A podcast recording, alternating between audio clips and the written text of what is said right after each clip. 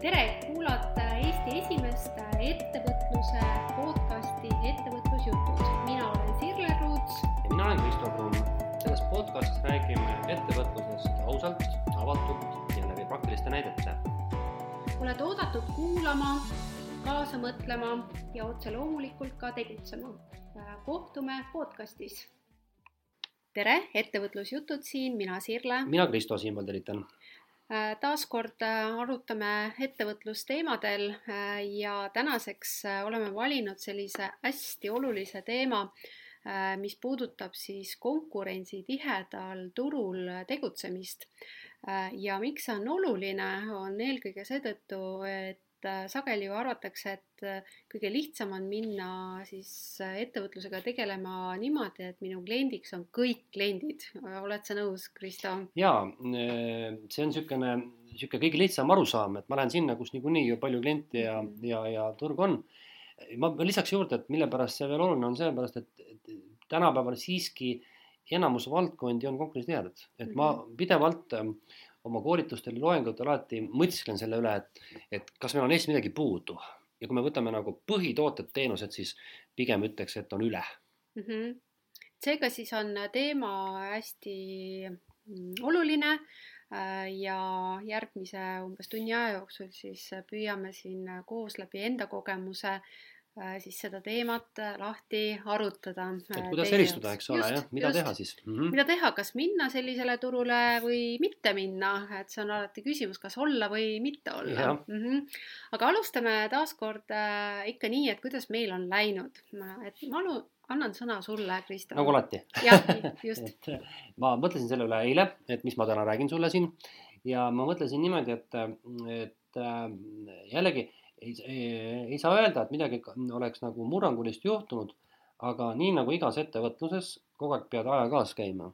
ja meie töös, kus me siis koolitame ja õpetame siin, on kasvõi see näiteks, et eh, ma ei tea, ülikoolis sa teed uusi õppekavasid, eks ole, vaatad üle loengu ja koolitusmaterjaleid. ma mõtlesin kunagi, et jube hea, nii hea töö on vaata koolitada midagi, mida sa oled teinud aastaid, eks ole. teed oma slaidid valmis, programm on valmis ja muudkui uhad. no ei ole nii lihtne, täpselt nii nagu mis tahes muul turul vaata, olud muutuvad, eks ole, ise saad targemaks, mingi sellest tead, et vaat see enam ei ole nagu relevantne. ja, ja kuna mul oli siin alles mõni aeg tagasi oli minu koolituskava atesteerimine Töötukassa poolt, siis ma pidin tegelikult ka mõtlema selleks välja, et noh, näiteks küsimus oli, et et milliseid muudatusi oled teinud oma õppekavas ja kuidas seda teed ja mis alustel teed. Ja siis ma mõtlesingi, et, et siin on nagu, nagu igas äris, et turg seab mingid muutused, nii no vahest seadusandlus, maksud, siis loomulikult ise saad ka targemaks, tead, mis töötab, mis ei tööta, eks ole. mõnikord tahad lihtsalt põnevuse mõttes midagi muuta, nii et, et mm, juhtunud on see, et, et alustasin uut koolitushooaega, mõtlesin, et nii hea, ratsutan mugavasti läbi, aga tuhkagi.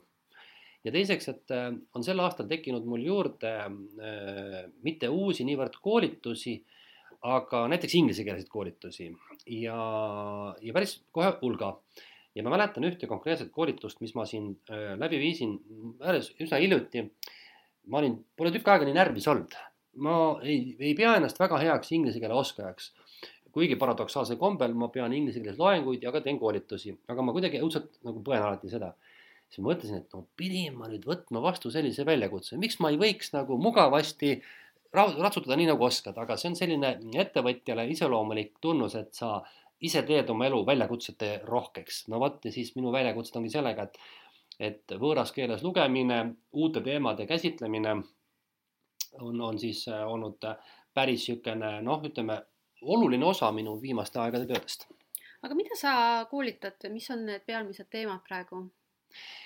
Äh, kaks teemat äh, on ettevõtlus ja selle erinevad tahud, kas siis on, ütleme, niisugune baas, nagu sinagi teed või siis mul on olnud palju just nimelt nagu finantside poole peal seal. Oma hinna kujundamine, hinna kujundamine, finantsplaanide koostamine, eelarvestamine ja natukene ka raamatupidamist, see on üks plokk. Ja teine plokk on siis, mul on üks niisugune koolitus nagu spetsialistist juhiks, mida ma nüüd tööd, olen teinud siis juba päris mitmeid aastaid koos Äripäevaga. Ja seal on nii avatud koolitused kui ka tellimuskoolitused ja neid on ikkagi päris palju. ja seda siis olengi teinudki mõlemat koolitusgruppi ka inglise keeles. selles osas on huvitav äh, täna kuulata sinu äh, nõuandeid siis äh, just koolitusturul kui konkurentsitihedal turul mm -hmm. siis tegutsemiseks, et et siin ju räägitakse, et tööd ei ole ja kliendid hoiavad raha kokku, aga tundub, et läheb päris hästi või? on küll jah, tööd on tõesti palju jah mm -hmm.. noh, positiivses mõttes muidugi mm. -hmm. nii, ja mis sinul on?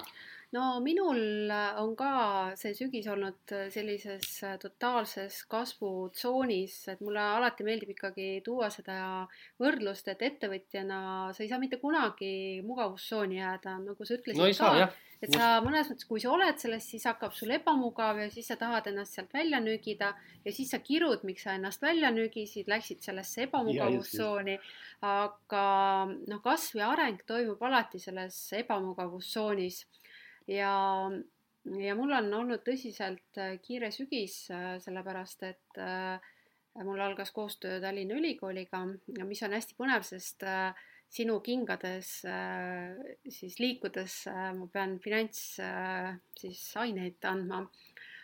ja ma tegelikult olen sellel teemal mõelnud juba aastaid, et võiks teha, sest ma ju raamatupidamist tean, finantsjuhtimist ka tean, aga nüüd siis on olnud äh, vaja kogu see teema nullist üles ehitada ja äh, ja ma olen proovinud hästi praktiliselt seda teha, et sisuliselt ma isegi mõtlen ülesandeid ise välja. Äh, ja, no mina ka tegelikult, jaa. jaa, et see on hästi põnev protsess ja mulle see väga meeldib, aga see on üliraske tegelikult siis, ähm, siis ma tõin turule ettevõtluse planeerija märkmiku. kuidas sul läheb selle müügiga? Äh, sellega läheb äh, natukene konarlikult, äh, müük läheb suht kenasti, aga mul esimene partii tuli defektiga mm., sellepärast et ma ise olen selles süüdi, et ma hakkasin muutma ühte punkt või koolonit punktiks ja, ja sellest tulenevalt siis läks kujundus natuke sassi. aga sa mainisid, et mulle siin ükskord, et sulle isegi veebipõhine müüb rohkem kui paberkujul äh,. jaa äh,, ma tegin niimoodi, et mul on äh, nii äh, prinditavad kui ka siis täidetavad PDF-id äh, ja need jah, müüvad paremini isegi või siis on niimoodi, et võetakse kombineeritult, et võetakse paber ja võetakse ka siis okay. juurde kas võiks öelda niimoodi, et nii sina kui mina tegelikult äh, ettevõtjatena ei kasva mitte niivõrd mahu mõttes, aga pigem nagu horisontaalselt nagu enesearengu ja, ja sisu mõttes? jah, ma arvan küll, sest mina olen teinud teadlikult otsuse, et ma ei taha meeskonda kasvatada, ehk siis ehk siis ma ei taha mingit koolitusettevõtet kasvatada ja seega siis pigem jah, ma vaatan, kuidas ma ise selles protsessis arenen, millised on sellised põnevad teemad, kuidas ma saan seda ärimudelit kuidagi äh, Äh, niimoodi mm, noh, nagu laiendada. Ja sellest tulenevalt siis äh, nüüd äh, nädal aega on mul ka siis seesama märkmiku, märkmiku siis lehed. ma avasin ka Etsis oma poe, seal on ingliskeelsed müüki ei ole veel tulnud, sest esimene nädal ma just mõtlesin, et ma teen seal läbi Äh, ka olude sunnil mõnes mõttes mul ei ole praegu aega sellega võib-olla nii intensiivselt tegeleda, et äh, teen läbi sellise agressiivse ootaja ettevõtja stiili. ehk siis esimene nädal oli siis äh, selline, et kus kohas ma tõesti agressiivselt ootasin, ma panin kaks toodet sinna müüki ja siis ma kogu aeg vaatasin, kui palju külastajaid on ja kui palju siis on neid tellimusi, tellimusi ei olnud, külastajaid natuke tuli. Äh, siis äh, järgmisena mõtlesin, et ma teen siis äh, sellise lihtsama turundustegevuse, ehk siis ma jagan Facebooki gruppides, kus kohas on siis Etsy müüjad ja see kogukond, seal ma sain hästi palju India meeste sõbrakutseid ja, ja, ja sellega see asi piirdus, et kahjuks nad ei tahtnud finantseerida minu äri. Ja siis äh, nüüd äh, täna äh, tegelikult Etsi, kui ma panin selle müüki, siis Etsi ütles ka, et tegelikult, et orgaaniliselt hakkaks levima, siis peab olema vähemalt viis toodet okay.. ja siis ma nüüd täna panin sinna teised tooted ka, seal on vaja teha videot toodetele, noh, ta on hästi selline spetsiifiline. Ja siis ma vaatasin, siis külastuskohe hakkas juba seal lehel minema ülesse.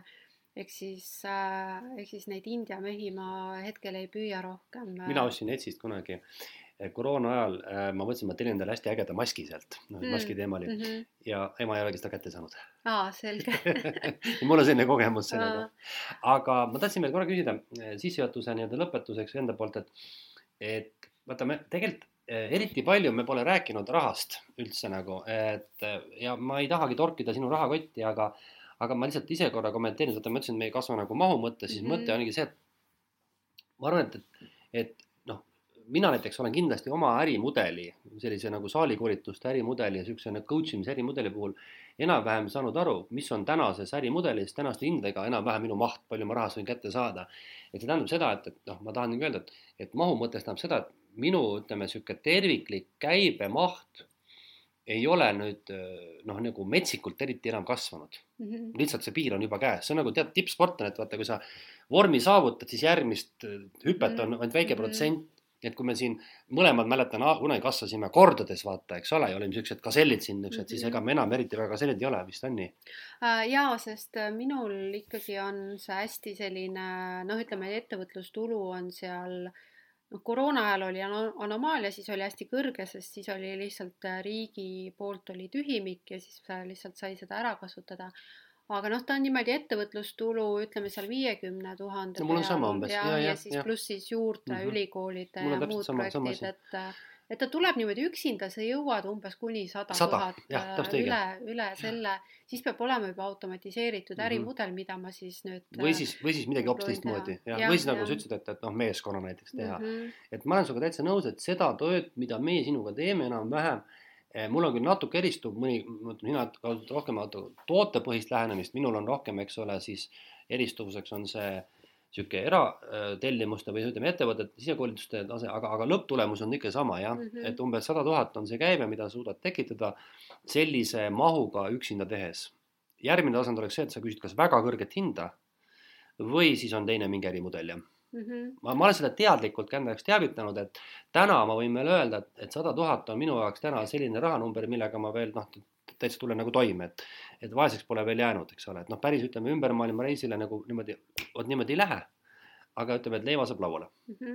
no siinkohal ongi jällegi soovitus meie kuulajatele, et alati on oluline siis realistlikult vaadata oma seda ärimudelit ja noh, ettevõtluses on kõik ressursid piiratud, eriti kui sa üksinda teed, sul on aeg piiratud, raha, vahendid, siis sinu teadmised, sina oled piiratud. et noh, mida ma näen siis, kui mul on kliendid koolitustel või siis siin üliõpilased teevad oma äriplaane, siis seda poolt ei arvestata, ehk siis ma olen näinud küll neid eesmärke, mis on üksinda tehes esimene aasta kohe miljonini ja, ja, ja nii edasi kusjuures oma aega müües, on ju. ehk siis tuleb ikkagi lähtuda sellest, mis see realistlik on, on ju. mina olen näiteks ühel äriplaanis lõpuks niimoodi survestanud inimest finantsist üle vaatan, et poolest miljonist sai kolmkümmend tuhat. no et realistlikult nagu läheneda ja kutsuge Kristo eksperdiks enda ettevõttesse. et pessimistlikult viib numbrid alla. aga lähme teemasse mm. -hmm. Ah, jaa, lähme teemasse ehk siis äh, konkurentsitihe turg.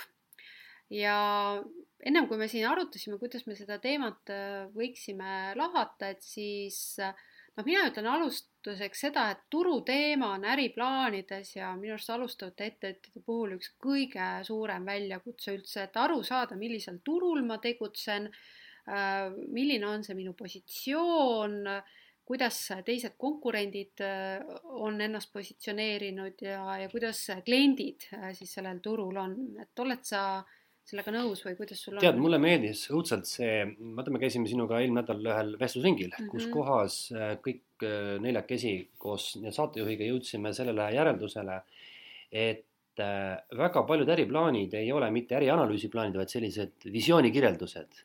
ja, ja me jõudsime vist ka ühisele järeldusele, et tõelise äriplaani teeb äriplaaniks just nimelt analüüs ja, ja tegelikult teebki turuanalüüs, ega mis sa seal ikka analüüsid, eks ole, et mis sa seal nüüd väga ütleme siis nagu turundusanalüüsid, sa kirjeldad turundust mm, -hmm. eks ole, mis sa analüüsid seal ütleme nagu ma ei tea, toodet-teenust, sa kirjeldad toodet-teenust, aga turgu sa analüüsid mm. -hmm. ehk see on täpselt sama asi, et kuhu sa sisened mm, -hmm. palju sul on kliente, palju sul on raha, kes on konkurendid, millega tegelevad konkurendid, mida ootavad kliendid, täpselt see ongi see nagu see turuanalüüs mm. -hmm. kuidas sa oled ise oma nõustamis-koolitamispraktikas näinud, et mis on pealmised puudused selle turuanalüüsi teemal?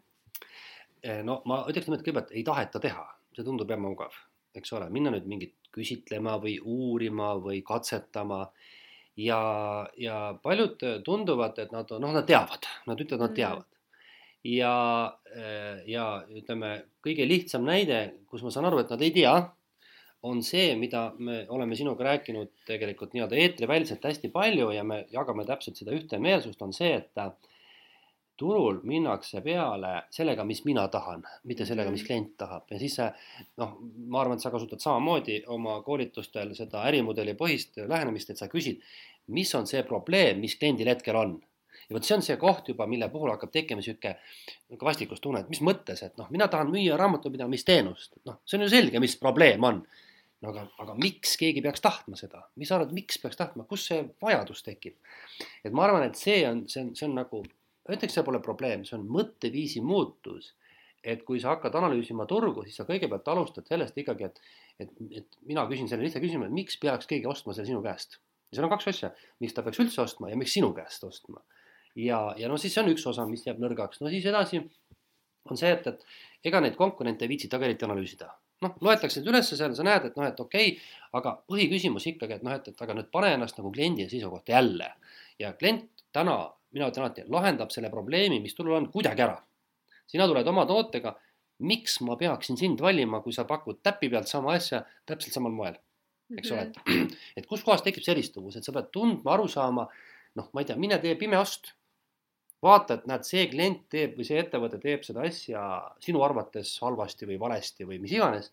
Ja juba saad aru, et, et kui sina teed seda teisiti, siis järelikult noh, tekib mingi eristus, et et ma arvan, need on need kõige suuremad probleemid, mis alguses kohe tekivad. Ehk siis äh, siit me jõuame selleni, et, äh, et millised on need konkurentsitiheda turu tunnused, on see, et sarnaseid tooteid on tegelikult hästi palju, kõik pakuvad, äh, ehk siis konkurents on hästi tihe, sisenemine sellele turule on hästi lihtne, mõnes mõttes koolitusturg nagu on, on ju, või siis tänapäeval ka sellise vaimse tervise, et igaüks noh, siseneb mm -hmm. turule ja midagi arvab vaimsest tervisest. isegi veebipoes asjade müümine.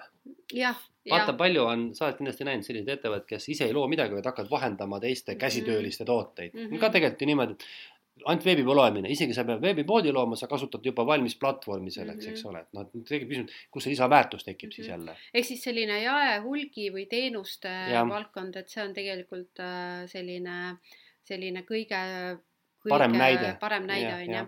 noh, siis muidugi selline konkurentsitihe valdkond äh, on ka see, et noh, turul on nii konkurendid kui ka kliendid Äh, kliendid äh, on see, et seal on hästi palju kliente, see kliendisegment on hästi lai, mõnes mõttes see noh, tooteid on palju ja, ja toode ka sobib kõigile, noh, mõnes mõttes ma ei tea, võtame juustu on ju, mhm. et sa lähed poodi, sul on, ma ei tea, kümme meetrit juustulett mm -hmm. ja kõik püüavad siis müüa oma juustu.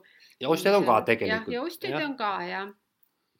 ja, ja üks tunnus on veel see, et klient tegelikult tunneb seda toodet ja teab, noh, üldiselt sellise konkurentsitiheda toote. ja ma ütleks veel lihtsalt, et lisaks, et tihtipeale ette, inimestel ei ole nagu väga suurt motivatsiooni ja põhjust muuta ka seda pakkujat, teenusepakkujat mm. -hmm. noh, vaata näiteks, mõtle nüüd, sulle helistavad ka igasugused kindlustusfirmad, mobiilifirmad, telekommunikatsioonifirmad, tegelikult ei ole mingit vahet ju muuta, kas see on mm, -hmm. kas see on Telia või Elisa, ei, vahet ei ole. Noh, mhm. vot täpselt samamoodi, et, et noh, mul on see toode olemas või see teenus, maksab enam-vähem sama palju levib õhu kaudu samamoodi. mul nagu ei teki mingit vajadust muuta mm. -hmm. ja mm, ehk siis äh, noh, kui me noh, kui me vaatame Eesti turgu on ju, siis tegelikult väga paljudes valdkondades, kus kohas äh, minu arust noh, väikeettevõtjad siis äh, tahavadki siseneda, nad tegelikult sageli ikkagi sisenevad konkurentsitihedale turule, sellepärast et sisenemisbarjäär on madal. Eestis ettevõtlusega alustamine on väga lihtne ja, ja mõnes mõttes äh, noh, mis siis peale seda juhtub, on see, et kuna kliendisegment on ka hästi lai, me müüme sarnaseid tooteid, siis me jääme sellesse agressiivse ootaja rolli, on ju. ma tooks veel siia näite, et üks kategooria, mis on hästi popp kindlasti sulle ja, ja paljudele koolitajatele, on igast käsitöö kõike, mida saab käsitsi valmistada, alates noh, väikestest puuvidinatest, riietest kuni ma ei tea, küünaldeni ja, ja hetini välja. Ja jätkuvalt on see väga popp ja seal on see häda, et esiteks ongi tegemist ülimalt konkurentsitiheda turuga. teiseks ei ole tegemist tihtipeale väga vajaliku asjaga, nagu natuke nagu luksustoode või sihuke elustiilitoode.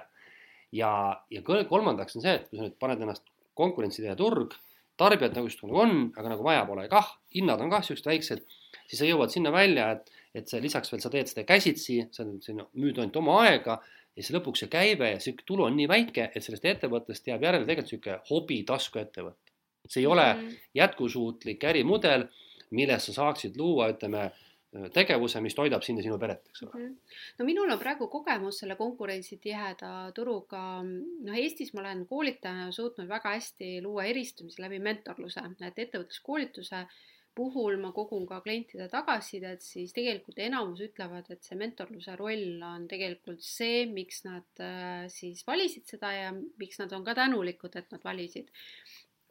Aga äh, nüüd, kui äh, siis ma tegin selle märkmiku, siis Eesti turul on sellel märkmikul selgel eri, selge eristumine, ta on hästi konkreetselt suunatud äh, ettevõtjatele, seal on aja planeerimine lähtuvalt nende prioriteetidest ja ta toimib selles mõttes väga hästi. ehk siis ma olen saanud juba klientilt tagasisidet, kes on seda kasutanud, see toimib, on ju, ma ise ka kasutan seda. aga kui ma nüüd panin selle Etsisse ülesse Äh, siis noh, minu Etsi äri on siis, äh, mille peale ma siis tegin sellise turuanalüüsi, on äh, siis noh, digi, digital downloads ehk siis ma teen erinevaid selliseid allalaetavaid äh, faile mm. -hmm. ehk siis äh, äh, jah, et ja seal on hästi palju võimalusi äh, koos Canvaga neid siduda ja et ühesõnaga, see on päris äge ärimudel, aga see on metsiku konkurentsitihedaga, tihe valdkond, see tähendab seda, et äh, seal on sadu või isegi noh, mitte sadu, tuhandeid pakkujaid, on ju, kui Eestis on märkmikke võib-olla, kui ma tegin turuanalüüsi, äh, ma ei tea, kümme, on ju, niisugust ja ettevõtluses üldse ei ole Äh, siis seal äh, ma sisuliselt konkureerin tuhandete sarnaste asjadega jaa, täiesti sarnaste asjadega. aga kuidas sinu raamatuturg on? seda sa oled ka mm. kirjeldanud kui tegelikult natuke nagu sellist vastu seina jooksmist juba lausa. Noh, raamatuturul on äh, see, et seal Eestis müüb väga oluliselt väga tugev persoonibränd Äh, ehk siis, äh, kui ma seda oma persooni brändi ette ei too, siis ma olen konkurentsitihedas valdkonnas. Äh, juhul, kui ma toon seda persooni brändi, ehk siis näiteks ma noh, ise siis jagan või elan seda oma raamatute lugu, siis see kohe toetab müüki. ehk siis eristumine raamatute puhul ikkagi toimub läbi persooni brändi ja minu kogemus. mina arvan, et, et raamatute puhul on üks probleem veel. Mm, kui sa mõtled nagu reaalselt, siis üks häda, esiteks on see, et hästi palju raamatuid aeg peale, noh, mhm. igasuguseid absoluutselt, jutukaid, krimplasid, ma ei tea, armastusromaane, elulugusid, kõike. ja kui sa hakkasid mõtlema, et milline on see raamat, mida on ostetud läbi aastakümnete, siis neid on ülivähe, eks ole, mhm. võib-olla ma ei tea, Tammsaare äkki näiteks või, või noh, ma ei tea, umbes midagi taolist, isegi mhm. ma arvan, et Andrus Kivirähk saab hõisata mõne üksiku raamatuga noh, a la Rehepapp või midagi taolist, mis on olnud nii-nii hitid, eks ole. võtame siin aegade hitid, noh vaata siin äh, seesama, see Jesper Parve müüs vahepeal hästi edukalt oma raamatuid. see oli üks hetk, kõik, nägemist mm rohkem seda raamatut ei ole, keegi ei osta seda. Mihkel Raud müüs oma Musta pori näkku ühel hetkel väga edukalt, kõik, nägemist rohkem pole seda. mina sain selle raamatu käest lõpuks tasuta PDF-ina mm -hmm. noh, eks ole, et see näitab, et raamatul on seda, et, et, et sa pead jälle uue looma mm -hmm. ja see on ju vaimselt megatöö. No mina tänasel hetkel, kui ma tegin siin raamatuturu analüüsi ja vaatasin äh, ka, et noh, et, et, et näiteks, et mida siis kliendid äh, ostavad ja, ja mida nad annavad tagasisideks, äh, siis noh, ma ennustan ikkagi, et raamatuturg muutub, ta muutub selliselt, et on teatud sellised jah, klassikalised sellised juturaamatud, ilukirjandus no. ja see on asi, jah, et, et see on selline teine segment, aga kõik, mis puudutab sellist ettevõtlust, majandust, et äh, seal enam sa ei liugle selle peale, et sa räägid lugu, vaid sa tegelikult äh, pead kliendi probleemi lahendama äh, ja mul on praegu üks uus projekt kirjutamisel, ma tahtsin kirjutada sellist ähm, alguses mõtlesin, et ma kirjutan uue raamatu, mis puudutab just noh, niisugust lisatulu loomist mm. -hmm. mis on hästi aktuaalne teema ja ma kirjutasin seda esimesed lehed äh, ja ma vaatasin, et noh, et, et et ma ei tea, ma ise küll ei viitsiks lugeda, sellepärast et internet on infot täis. samad täis jah. jah, ja, ja, ja tegelikult ma teen hoopis sellise hästi praktilise mm, noh, toote mm. -hmm. sealt, kui mul ühel hetkel aega on.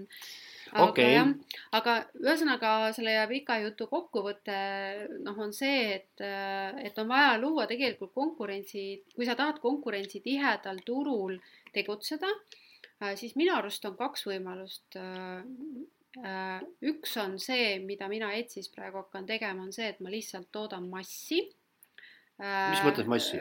noh, selles osas, et mul peab olema poes väga palju valikuid, siis ma Aa, palju tooteid ühesõnaga, jah? palju tooteid mm, Mhm. -hmm. et mul tekib see mastaabisäästu eelis.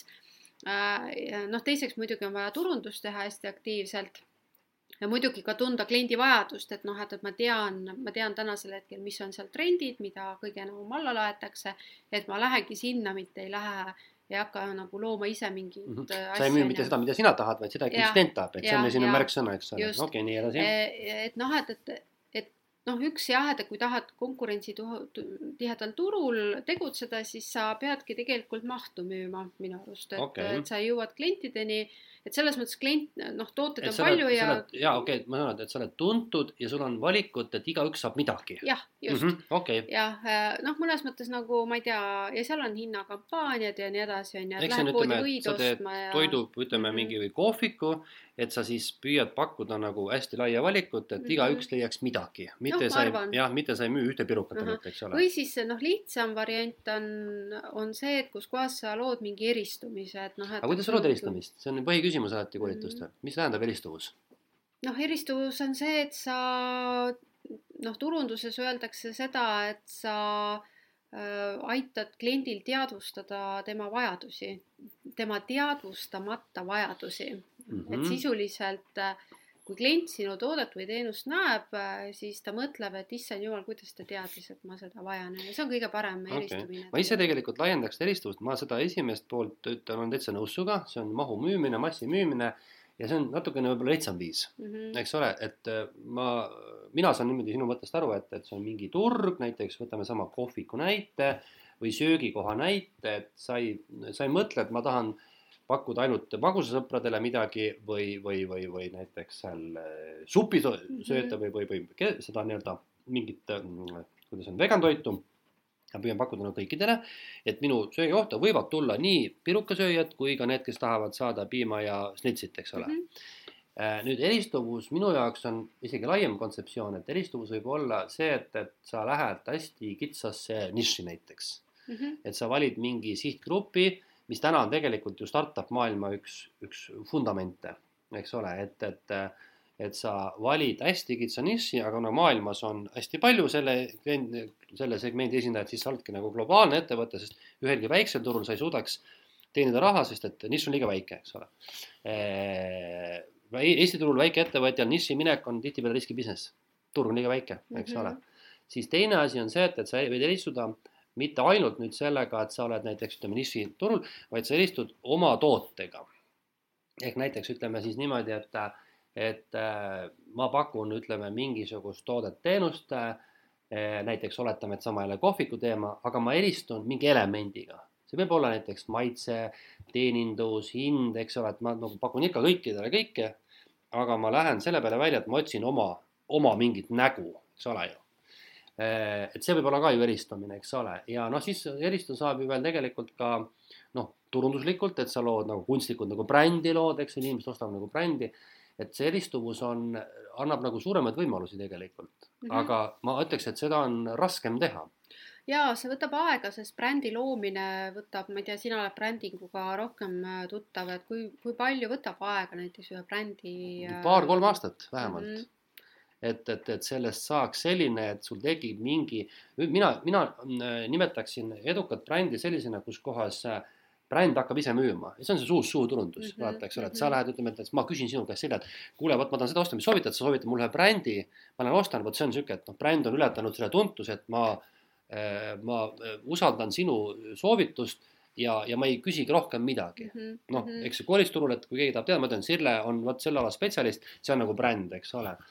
aga, aga see võtab nagu aega jah, ja, ja, ja seal on ka see, et, et noh, et, et, et ähm, noh, Eesti turul ta on, eks ole, võib-olla lihtsam saavutada, globaalsel turul oleks see peaaegu võimatu.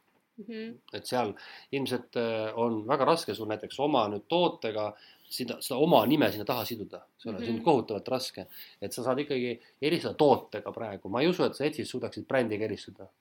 Ma arvan tootega ikkagi pigem. Äh, ma arvan ka, et jah, et, et see on et sa suudad mingi toote ja- leida, midagi Mhm. ägeda, mis natuke erineb teistest ja mida võib-olla järelteha pole nii mõttekas, et inimene ostab, ta ei tea niikuinii sind. Mhm. ta küsis teisest maailma otsast, eks ole. Mhm.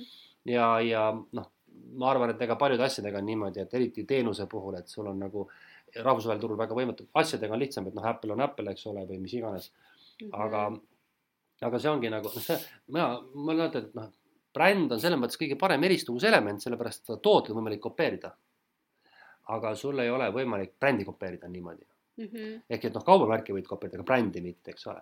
aga mul on veel üks kontseptsioon, mida ma olen varasemalt meie vist ka podcast'is rääkinud, ma kordan selle üle, sest võib-olla kõik ei mäletagi ja keegi ei viitsi võib-olla kõike läbi kuulata.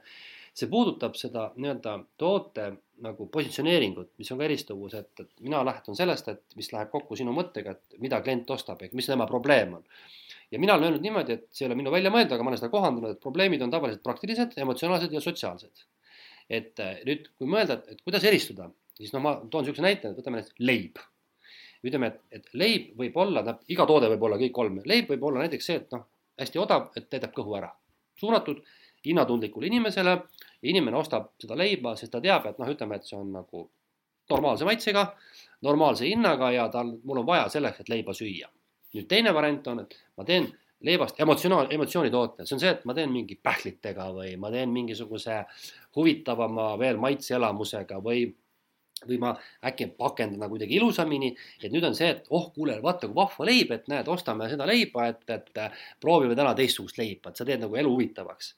ja kolmas tasand on nüüd äh, sotsiaalne tasand ehk leivast muudad luksustoote. paned leiva hinnale, ma ei tea, kümme euri näiteks ja suunatud on sellisele jõukale tarbijale, paned ilgelt uhkesse pakendisse, tegelikult on leib samasugune. aga kõik see turundus on nagu sihuke fancy, sihuke luksuslik. Ja nüüd on sinu eesmärk müüa kui luksustoodet see on ka nagu eristumine, et sa pead leidma, millist seda kolmest jaotust sina nagu rahuldad. ja see, olen mina alati öelnud, on ettevõtja otsustada, tema ütleb kliendile, nagu sa ütlesid, et, et, et klient avastab, vau, et sellist probleemi polegi varem teadvustanud, et see on sama, et, et ma teadvustan, et muuseas sa võid, kuule, sa oled nii rikas inimene, ma tean, et sa võid isegi leiba osta luksustootena. Vau, vot ma selle peale tulnudki, nii äge, oota, ma ostan selle leiva, nüüd ma panen selle laua peale, kõik tulevad külla, vaatavad, ossa, Sirle on nii rikas inimene, eks ole, ostab kümnenust leiba, mis te siin äh,, vaesed inimesed ei tea midagi sellest. et noh, põhimõtteliselt see on ka nagu minu jaoks eristumine mm. -hmm. et sa otsid ülesse selle ühe suuna ja ega täna ongi niimoodi, et kui sa mõtled nagu uued tooted tulevad, et väga sageli vaatad, et noh, toode nagu toode ikka, aga on suunatud nagu mingile vot ühe mingi sellest vajaduse rahuldamiseks.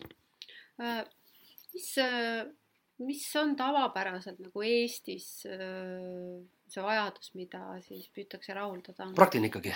jah, ikkagi kui me räägime alustavatest ettevõtjatest, enamus lähevad praktilise peale. vähesed lähevad nüüd emotsiooni või sotsiaalse peale. ehk siis äh, sisuliselt ikkagi praktiline on ikkagi see massturg. Masstoode, jah. Ja probleem on selles, et- ei ole raha. Mhm. vaata, kui sa tahad toota nagu noh, toome nüüd ütleme, võtame sihuke jälle näite, tuleb inimene, noh, teeb massaaži teenust hakkab tegema mm. -hmm. nii, ostab massaažilaua ja siis ma ei tea, kas teeb mingis ruumis või hakkab käima. kui ta teeb seda nii, nagu ta seda planeerinud on, ma juba tean ette, et see on selline praktiline vajadus. ta püüab pakkuda seda so- soodsa, soodsa hinnaga ja, ja noh, ütleme, see on see, et noh, vot kurat, õlg valutab praegu natukene, vot nüüd masseerime ära. aga kui ta tahaks sellest teha luksustoote, et see on ilgelt fancy salong, see on nagu kõik viimase peal, siis kujuta ette, kui palju raha see võtab, eks ole ju. Ja ei ole raha ja ei julgeta riskida ka selle tõttu. lihtsam on teha ta odavamalt. Mhm. aga katsu nüüd sellest odavamast teha homme luksustoode. keegi ei tule sult ostma enam või tähendab, see klient enam ei osta, sa pead hoopis teisele kliendile positsioneerima.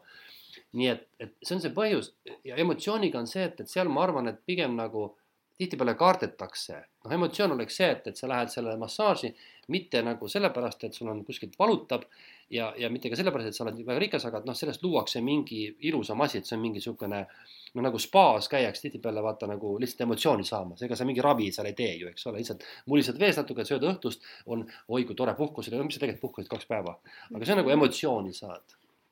et suured ettevõtted Eestis oskavad nagu kõike pakkuda, aga alustavatel ettevõtjatel mina ütlen, et jääb nagu rahast puudu ja siis on lihtsam minna sellele massturule, sest noh, seal on nagu ootused just nagu arvatakse madalamad mm. -hmm. no sellega me jõuame tegelikult järgmise probleemini, et kui sa lähed massturule või noh, sellele konkurentsitihele turule ja sa ei mõtle, mis on need emotsionaalsed või äh, siis sellised sotsiaalsed äh, eristumised, et siis äh, või noh, et, et sa lood äh, luksustoodet teadlikult, siis tegelikult äh, seal massturul on ju marginaalid hästi madalad. just täpselt, jah. Mm, ja see tähendab, mul on olnud koolitusel või nõustamisel inimesi, kes ütlevad, et mis pagan on, et ma teen juba mitu aastat tööd, on ju, ja ikkagi on tühjad pihud, on ju, ja siis me teeme oma ja müügihinna arvutuse ja siis tegelikult selgub, et see hind peaks olema kaks korda kõrgem, on ju.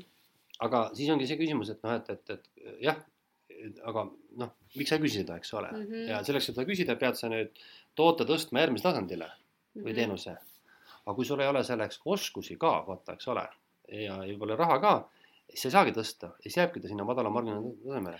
no mul on olnud koolitusel teinekord kliente, kus kohas ma näen, et ähm, klient tahab siseneda sellisele konkurentsitihedale turule ja noh, äriplaanid ju saavad ju eitava vastuse, kus kohas on konkurentsitihe turg, pealmine müügikanal on Facebooki reklaam või siis isegi mitte reklaam, vaid tasuta seal eksisteerimine äh, ja, ja mitte midagi muud ei ole. Äh, ehk siis ähm, äh, ja sellisel juhul siis Äh, ma ütlen, et äkki on vaja siseneda näiteks äriklientide turule, on ju, äh, või siis äh, leida sellised head koostööpartnerid tegutsevate edukate ettevõtete puhul.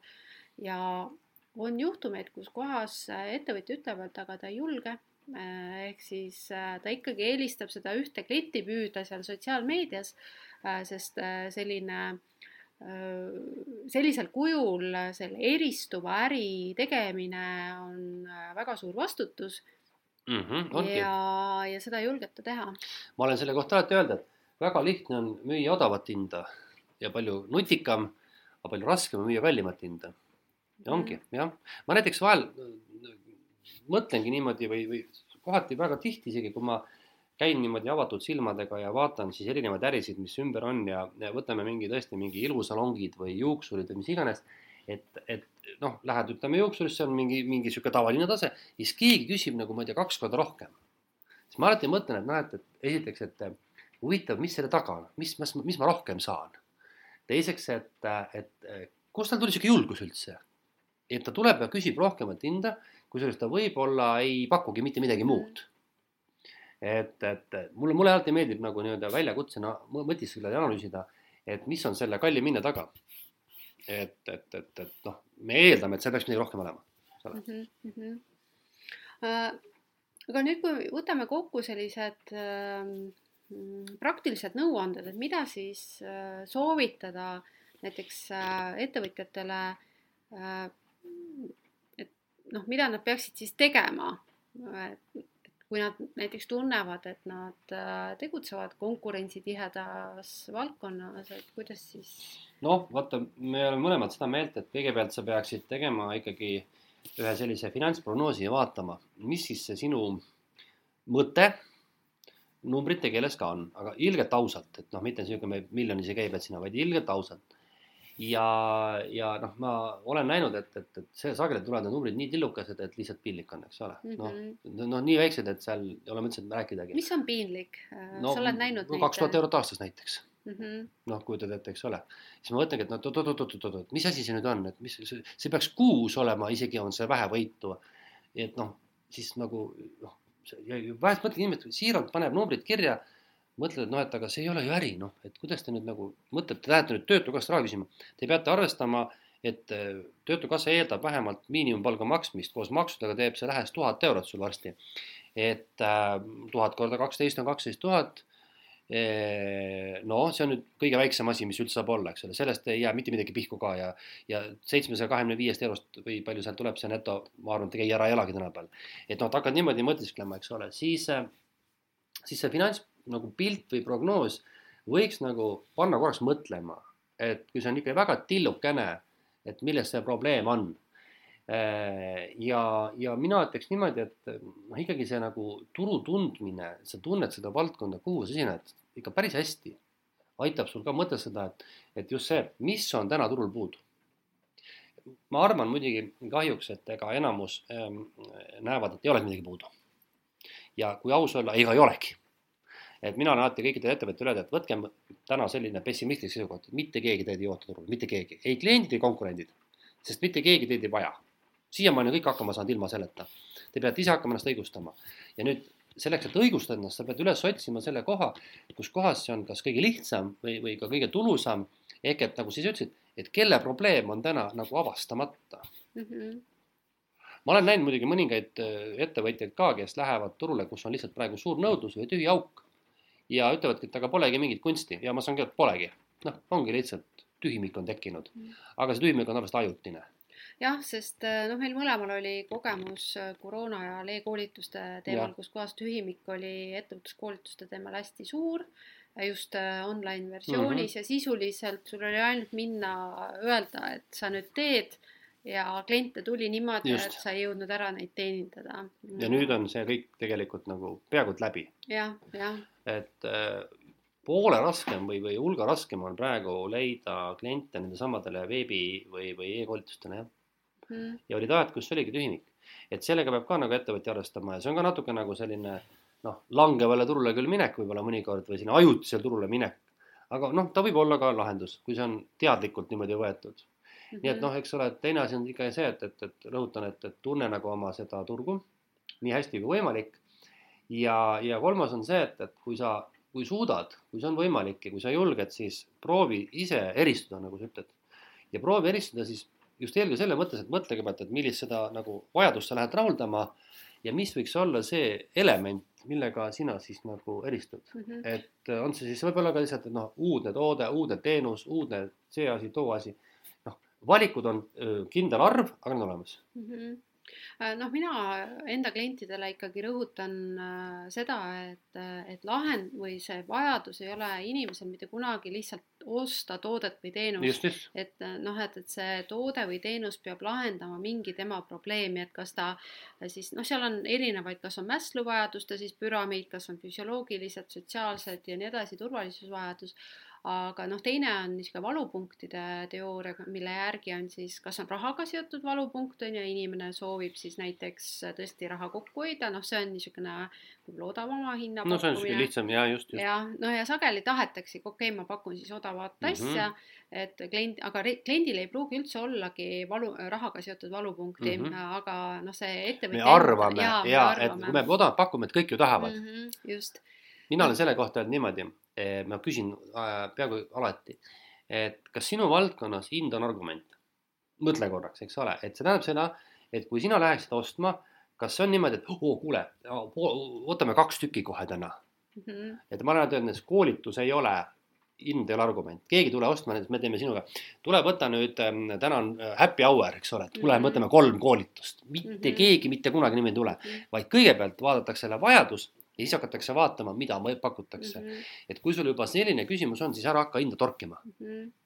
No mul oli sellel nädalal väga hea test oma tudengitega, kes siis teevad äriplaane ja siis seal ühel, ühe noh, nad tegid just turuanalüüsi ja siis tegid presentatsiooni. Äh, ja seal oligi üks, äh, üks siis teenus oli niimoodi, et äh, väga odava teenuga maksimaalse kvaliteediga teenus ja siis ma peegeldasin neile vastu, et et noh, et kui teile tuleb keegi pakkuma, et äh, üliodavalt äh, väga kvaliteetne asi, et äh, milline on teie esimene reaktsioon sellele ja siis nad ühest suust enam-vähem ütlesid, et noh, et, et tundub nagu kahtlane, et mm -hmm. tõsi olla. aga ongi niimoodi jah, jah ja. ehk siis äh, ehk siis vaadata seda, seda kindlasti. ma olen sinuga hästi nõus, et see turu tundmine on hästi oluline ja äh, noh, teinekord jah, üks võimalus on teha ennem on ju see selgeks, noh, teine asi on see, et sa äh, siis töö käigus noh, õpid. nojah, vaata, katsetamine on hästi oluline, ma olen mhm. katsetamist hästi palju ka soovitanud, kui võimalik on, et võtage endale teadlikult see aeg, kus sa katsetad natuke erinevaid asju mm, -hmm. et sa mhm. näed, mis tegelikult töötab mm. -hmm. sest ega äriplaani kirjutamine ei taga ju kunagi, et see päriselt nii läheb mm. -hmm. jaa mm. -hmm. no siis äh, on äh, sellised soovitused veel, et noh, mida soovitatakse sellises võib-olla kirjanduses äh, ja ma olen hästi sellega päri ja üldse ka sotsiaalmeedia seda toetab, on kõik see niisugune inimlikustamine või persoonide esiletoomine noh, inimkeskne lähenemine ettevõtlusele, et kus kohas siis enam ei tehta, ettevõtted ei tee ettevõtete vahel või ettevõtted klientidele ei paku lahendusi, vaid noh, et see äri toimub nagu inimeselt inimesele. Mis sa sellest arvad? noh, see nõuab hästi äh, suurt pühendumist ja paljudes valdkondades sa ei saa, noh, veebi e, e-poes on nii raske seda asja teha, noh, seal mm sa ei mm. tunneta seda personaalsust niimoodi. või kui sa kavatsed müüa midagi suuremahulist, siis on seda nii raske teha. Äh, seda on võimalik teha näiteks teenusäris mm. kohvikutes, koolitustel, raamatupidamine, ma ei tea, ilusalongid, massaažid, seal on selgelt jaa, et see tegelikult ma, ma saan su mõttest aru, et, et sa tegelikult pakud tavalist toodet tavalise hinnaga, aga sinu eristuvus on see, et, et see sinu pühendumine sellele kliendile igale ühele on nii äge, et see ongi sinu eristuvus, eks ole, aga tegelikult noh, toode on täitsa tavaline mm, -hmm. on ju niimoodi? noh, ma ülikooli õpingute ajal tegin sellise mm, siis äh, töö äh, kursuse töö või ainetöö nagu digitaalne kohalolek. mis see tähendab? see tähendab seda, et näiteks kui me võtamegi selle veebipoe, siis kui inimene tuleb sinna veebipoodi, siis äh, see müüja on digitaalselt seal kohal, see tähendab noh, alates, alates sellest, et on näiteks pilt olemas okay, või siis näiteks videotervitus.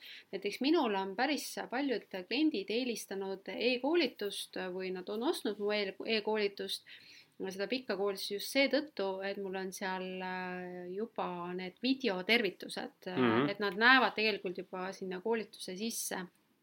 Nad tunnetavad, et, et sa oleks nagu kogu aeg ka, ka isegi elektroonselt olemas nendega. ja ja, väga huvitav lähenemine. ja, ja, ja ühel korral, ja, ja siis ühel korral, äh, miks ma siis sain aru, et see digitaalne kohalolek on niivõrd oluline, just, et kui sa pakud sellist e-lahendust, siis üks klient andis mulle tagasisidet, et tuli mu pikale koolitusele äh, ja, ja siis ta andis tagasisidet, et, et äh, jah, et, et talle noh, ta otsustas siis seetõttu sellele koolitusele tulla, et tema osales ennem ühel minu koolitusel äh, ja, ja siis tal tekkis selline hästi hea kontakt ja siis ma hakkasin mõtlema, ma sama aeg tegin seda digitaalse kohaloleku ainetööd.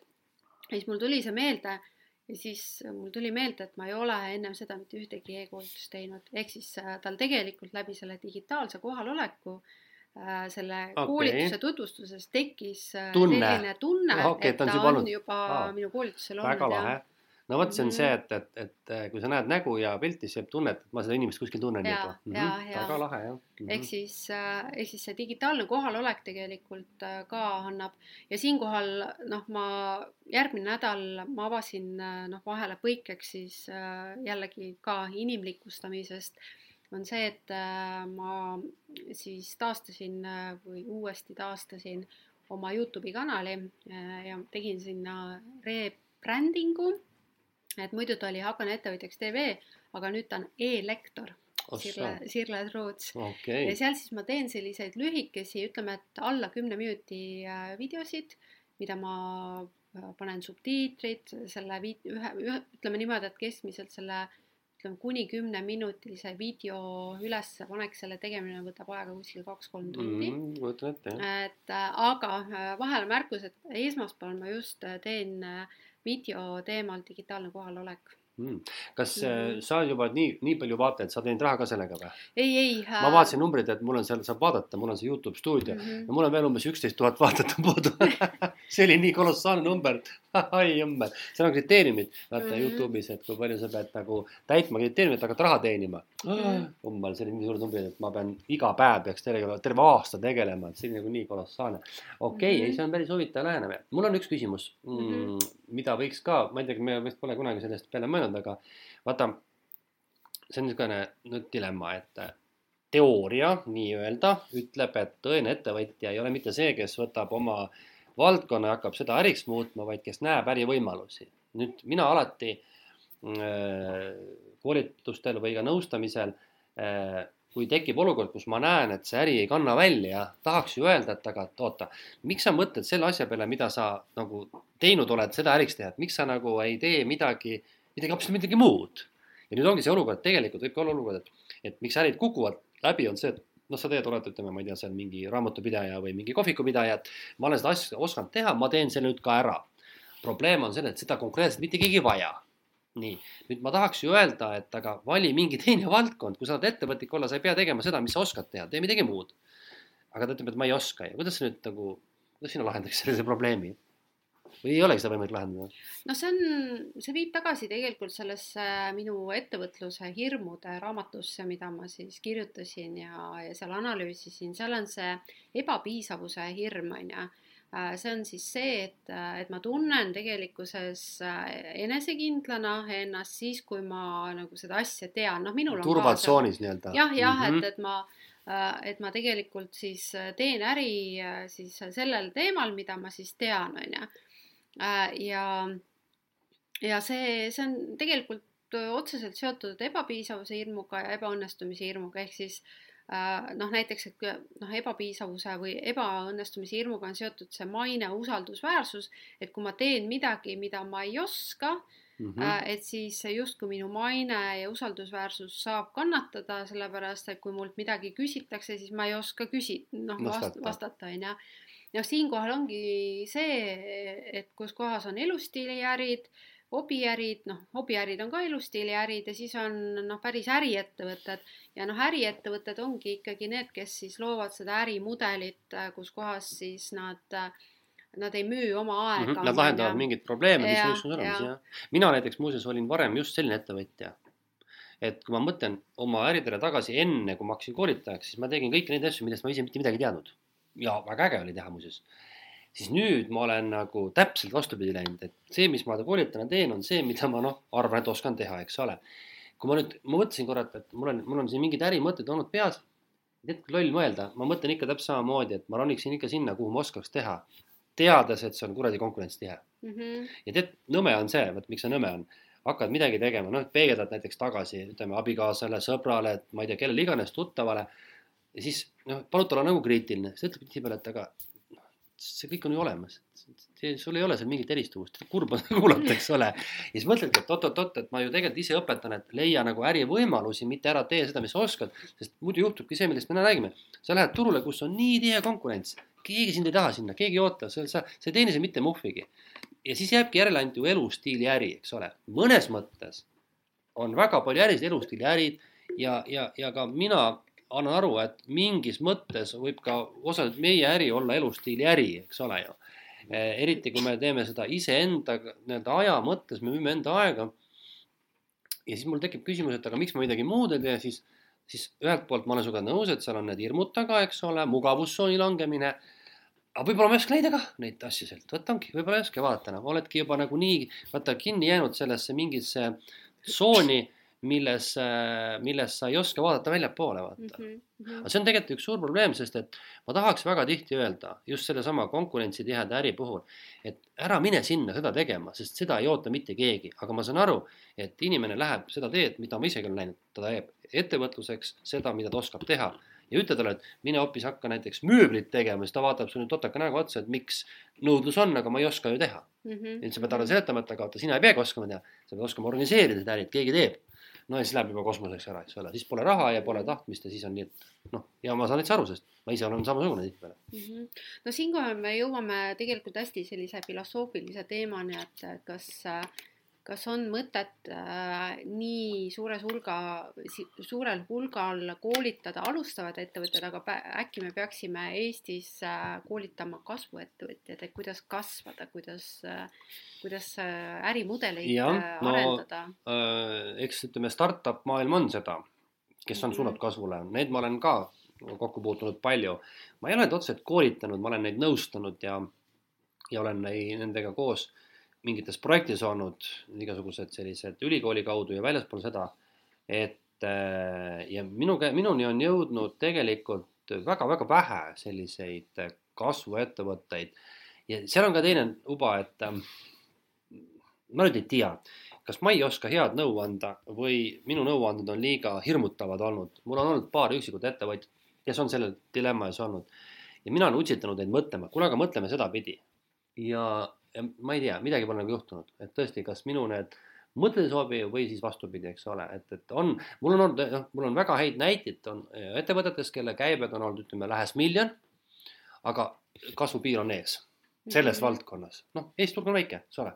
et nüüd on küsimus, mida edasi teha, siis ongi see, et me oleme, ma olen nagu niimoodi tundes seda äri natukene, tundes võib-olla inimest natukene, püüdnud nagu selgitada, aga mõtle nagu selles või selles suunas. aga vaata, kui, kui see pole minu äri, siis ma ei saa ju tema eest otsust langetada, oleks ma selle äri partner või osanik, et noh, teine asi, vaata. aga keegi küsib mult nõu, ma ju lihtsalt võin öelda, kuidas asi käib, eks ole ju. et, et selleks, et see oleks nagu jätkusuutlik, peaks tõesti tekkimagi lausa selline projekt, et noh, et ma tulen sellesse nüüd koolitusprojekti või sellesse arenguprogrammi oma tänase äriga ja nüüd siis keegi aitab mul mõtestada ja võib-olla tagasisidestada, võib-olla kuidagi joone peal hoida siis mingisugust nagu sa ütled kasvu, jah. Mhm. no aga kasvu, kasvuks on vaja ressursse ja siinkohal ongi ressursside puudus tegelikult on. eks ta ole paljuski jah, ja või teisest, et isegi kui sul seda ressurssi on võimalik, ütleme pangast saada laenuna, siis see hirm, et äkki see ei toimi, on mm -hmm. veel mhm. suurem, vaata mm, -hmm. ja mis ma siis teen, mhm. eks ole, ja siis pigem on lihtsam mitte kasvada mm. -hmm. et kui riskid lähevad jube liiga suureks mm. -hmm jah, sest äh, noh, üks võimalus, kuidas siis eristuda või siis noh, konkurentsitihedal edu saavutada või siis eristuda, on see, et on vaja teha järjepidevat turundust, mida ka ei tehta.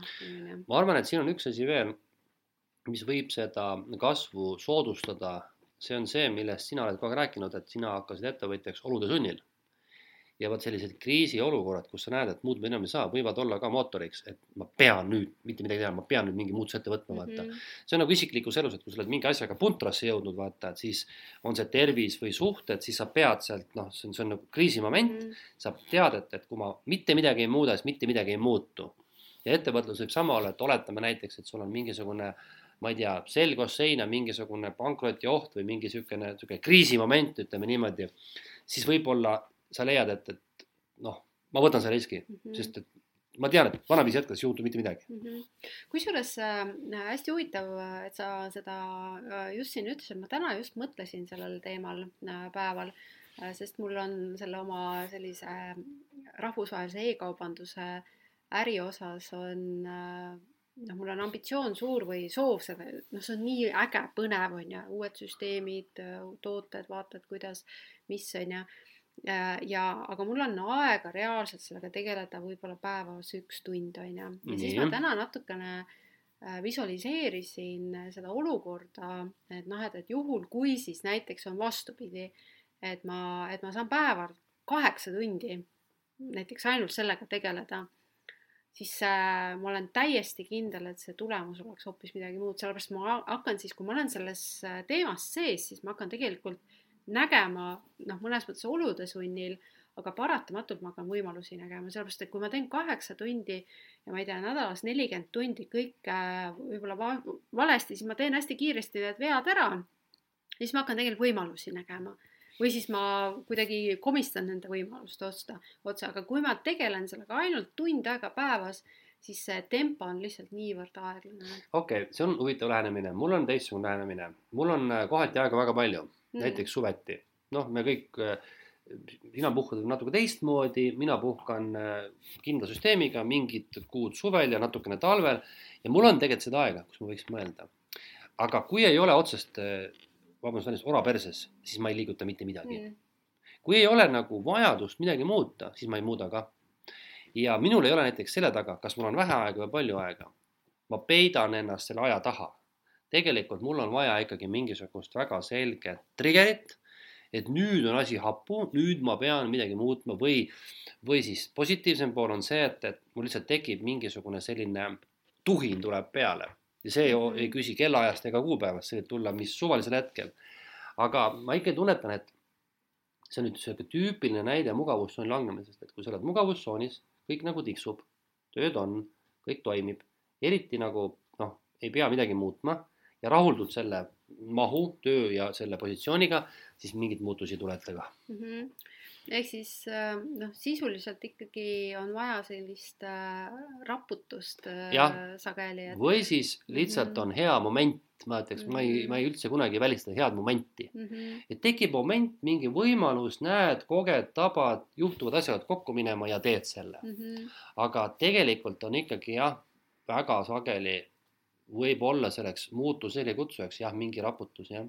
Ehk siis äh, siit võiks järeldada niimoodi, et see on küll hästi niisugune meelevaldne järeldus, et et äh, juhul, kui sa oled mugavustsoonis, siis äh, on väga suur oht, et sa lähed sellele konkurentsitihele mm, valdkonda, sa jätkad kõik ja, samamoodi ja sa ei muuda mitte midagi. samamoodi, sa ei otsi mingit eristumist, aga juhul, kui siis sul on noh, nagu öelda, et ora sealsamuses, siis sa lihtsalt pead hästi kiiresti jõudma tulemuseni ja sa hakkad otsima neid võimalusi, võimalusi.. Mm -hmm.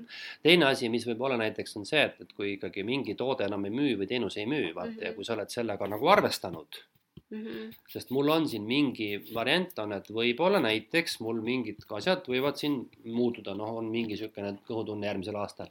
mis nüüd tähendabki seda, et kui ma mõtlen nagu sellele töö äralangemise rahalises mahus, siis võib-olla ma pean midagi muutma.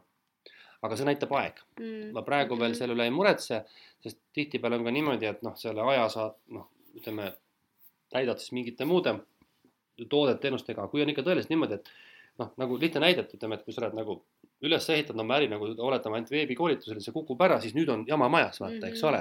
noh, sul oli olemas back-up ja kõik, eks ole, polnud probleemi niivõrd. aga kui sul ikkagi näed, et see nagu üldse noh, on keelatud või, või ei tööta, siis sa pead ju midagi uut välja mõtlema mm. -hmm. ja siis sa hakkad neid võimalusi otsima. vastasel juhul tõepoolest langed mugavustsooni, toimetad sellel samal konkurentsilisel turul, noh, midagi teenid, midagi teenid, vilised natukene ka, aga ei suuda näha teisi võimalusi mm. -hmm.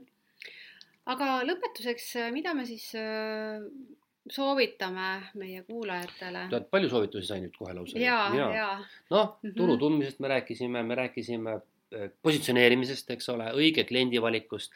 me rääkisime õige ärimudeli valikust, et kas on praktilistele vajadustele suunatud ja emotsionaalsetele vajadustele suunatud. me rääkisime natukene äh, julgusest, me rääkisime äh, mugavustsoonist, sellest väljatulekust, et need võiks olla kindlasti märksõnad, mis sa nagu meelde jätad, et kui sa nüüd ettevõtjana ennast analüüsid või tulevase ettevõtjana, siis tasub mõelda nende asjade peale, jah. jah, ja mina isegi ka soovitan seda, et teinekord võib-olla ongi vaja see äh, konkurentsitiheda turu äh, ämber läbi mhm. kolistada mm. -hmm. et sa saad aru. jah, et, et sa saad aru, saad aru tegelikult seda, et, et noh, niimoodi võib-olla ei saa Äh, noh, minul on see, et minul lihtsalt on oma ajast kahju, sest aega on niivõrd vähe äh, ja siis, äh, kui ma vaatan, et okei okay,, Sirle, sa nüüd lähed jälle sellesse samasse ämbrisse, on ju, et siis, siis tegelikult tekib see motivatsioon luua midagi teistmoodi, on ju, et et seega ei ole üldse ka seda niisugust sundi, et et ma pean kohe tegema õigeid äh, valikuid, et aga noh, need ämbrid on vaja lihtsalt kiiresti läbi kolistada, mitte see, et ma kaks aastat vaatan, et noh, tegelikult tiksub midagi, midagi nagu ei toimi, on ju, siis on stress ka, on ju, nõuab mingit ressurssi et noh, tuleb teha võib-olla kiiremini neid äh, selle otsuseid. kohta ma ütlen kaks asja, esiteks see, et, et äh, meie ei saa ju tegelikult ette kirjutada kunagi ettevõtjatele, koolitajatele, mis mm -hmm. nad teevad, nad teevad ikka nii, nagu nad teevad ja anname neile võimaluse teha. ja teine asi on see, et see ämbrite kolistamine, jah, mulle meeldis kunagi üks üks startup programm, kus ma ise osalesin, kus meie koolitaja ütles, et teie eesmärk nüüd järgmise kuude jooksul on fail ida täiega, et kõik fail imised ära teha ja ma mhm. olen seda alati laiendanud mõtet kogu ettevõtluse peale, et kui sa hakkad tegelema ettevõtlusega, siis proovi kohe alguses põruda ära, pärast on lihtsam mm. -hmm nii et äh, ka põrumine ei ole midagi halba. no siinkohal mulle meeldib alati ennast äh, lohutada sellega, et öeldakse, et äh, tootearenduses viiest tootest üks on edukas mõnikord on see, et kohe esimene on edukas ja siis neli tükki kulistad läbi, on ju, või siis teinekord on neli on vaja ära katsetada mm -hmm. ja siis ja, lõpuks jah. tuleb see. aga igal juhul oli väga põnev arutelu jälle äh, ja ma loodan, äh, et kõik kuulajad said mingeid häid mõtteid ja, ja lisaks ka see, et et juhul, kui siis tõesti keegi tundis ära, et on sellel konkurentsitihedal turul äh, Äh, et siis võib-olla võta kas või üks selline praktiline teadmine või tegevus, äh, mida siis muuta. Äh, sa tõid väga hästi selle mugavustsooni, et kui, et kui sa oled mugavustsoonis, et siis too ennast teadlikult sealt välja võib-olla ühe väikese asjana, mida teha mm. -hmm. aga siis kohtume järgmine kord uute ettevõtlusjuttudeni. just, ja olge tublid